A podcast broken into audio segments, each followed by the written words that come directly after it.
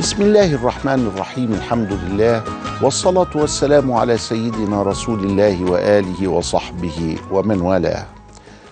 أيها الإخوة المشاهدون أيتها الأخوات المشاهدات في كل مكان السلام عليكم ورحمة الله وبركاته وأهلا ومرحبا بكم في حلقة جديدة من ربيع النبوة. كل عام وأنتم بخير. يعيد الله سبحانه وتعالى هذه الأيام التي تذكرنا بمولد المصطفى صلى الله عليه وسلم علينا وعلى الأمة المصرية والأمة العربية والأمة الإسلامية وعلى العالم كله بالخير والبركات. يا رب استجب دعاءنا ونور قلوبنا واغفر ذنوبنا واستر عيوبنا. ذكرنا في حلقة سابقة كيف نحتفل بذكرى رسول الله صلى الله عليه وسلم وقلنا إن من مظاهر هذا الاحتفال قضية المديح التي أجازها لنا رسول الله صلى الله عليه وسلم في المساجد فكان يستمع من حسان وكان يستمع من كعب بن زهير ومن غيرهما من الشعراء كعبد الله بن رواحة وغيرهم. وأيضا من مظاهر احتفال القرآن الكريم والجلوس على دراسته أو تلاوته. ومره بعد رحيل النبي صلى الله عليه وسلم وانتقاله إلى الرفيق الأعلى ذكروا أن تراث محمد وهذه كلمة في اللغة العربية معناها الميراث يوزع في المسجد فذهب الناس فوجدوا الناس يقرؤون القرآن. ومر النبي مرة صلى الله عليه وسلم على حلقة يذكرون الله سبحانه وتعالى وعلى أخرى يدرسون العلم. فقال هؤلاء على خير وهؤلاء على خير. ثم انضم إلى هذه الحلقة التي تدرس العلم. وكانت الصحابة الكرام يلقى بعضهم بعضا فيقول هيا بنا نؤمن ساعة. فيجلس ليتذاكر مسائل العلم. إذا فإحياء ذكرى رسول الله صلى الله عليه وسلم يتأتى أيضا بقراءة القرآن. في مسجدنا نحتفل بعد العصر بكلام الله سبحانه وتعالى فنجلس في ختمة واسعة.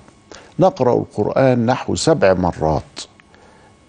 ولأن القرآن قسمه المسلمون الأقدمون إلى ثلاثين جزء حتى تنتهي كل يوم من جزء.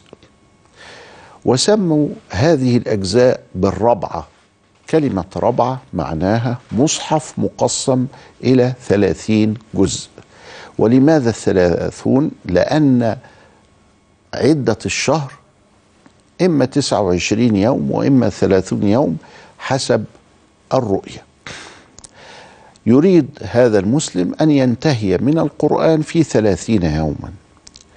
من أين أخذوا أن ينتهي الإنسان من القرآن في ثلاثين يوم؟ من النبي صلى الله عليه وسلم حيث إنه كان يعرض القرآن على جبريل في كل رمضان مرة إلا في السنة التي انتقل فيها إلى الرفيق الأعلى عرضه مرتين. ولذلك ترى المسلمين وهم يحرصون على التراويح من أجل أن يختموا فيها القرآن إما مرة وإما مرتين على قدر المستطاع. نوزع هذه الربعة وما أكثرها على الحاضرين. ونختم القرآن ست مرات سبع مرات ثمان مرات.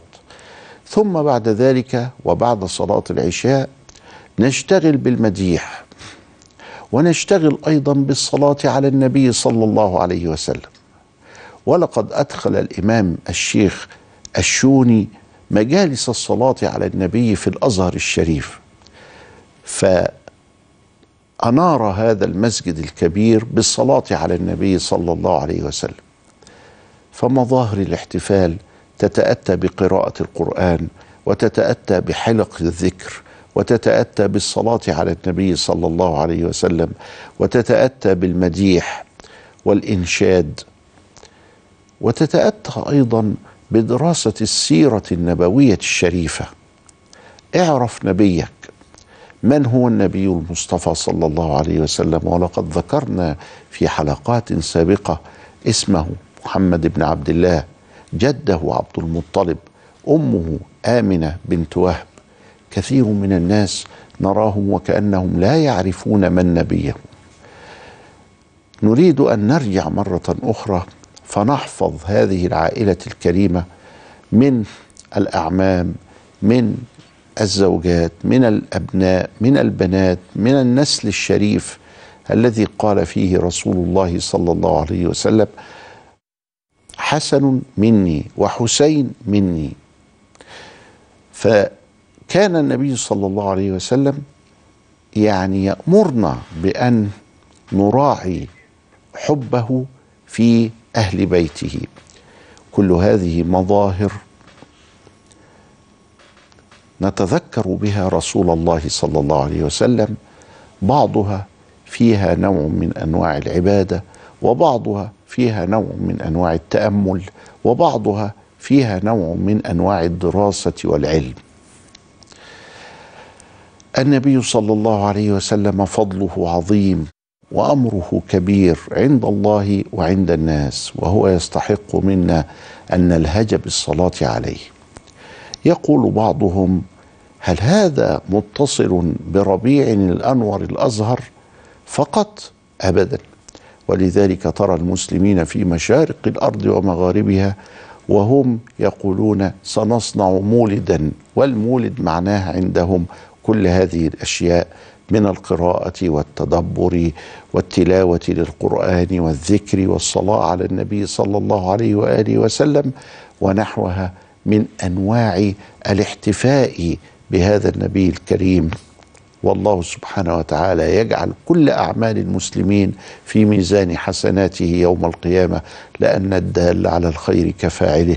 وأراده الله سبحانه وتعالى لأن يكون دالا على الخير وأن يكون أسوة حسنة. كل عام وأنتم بخير.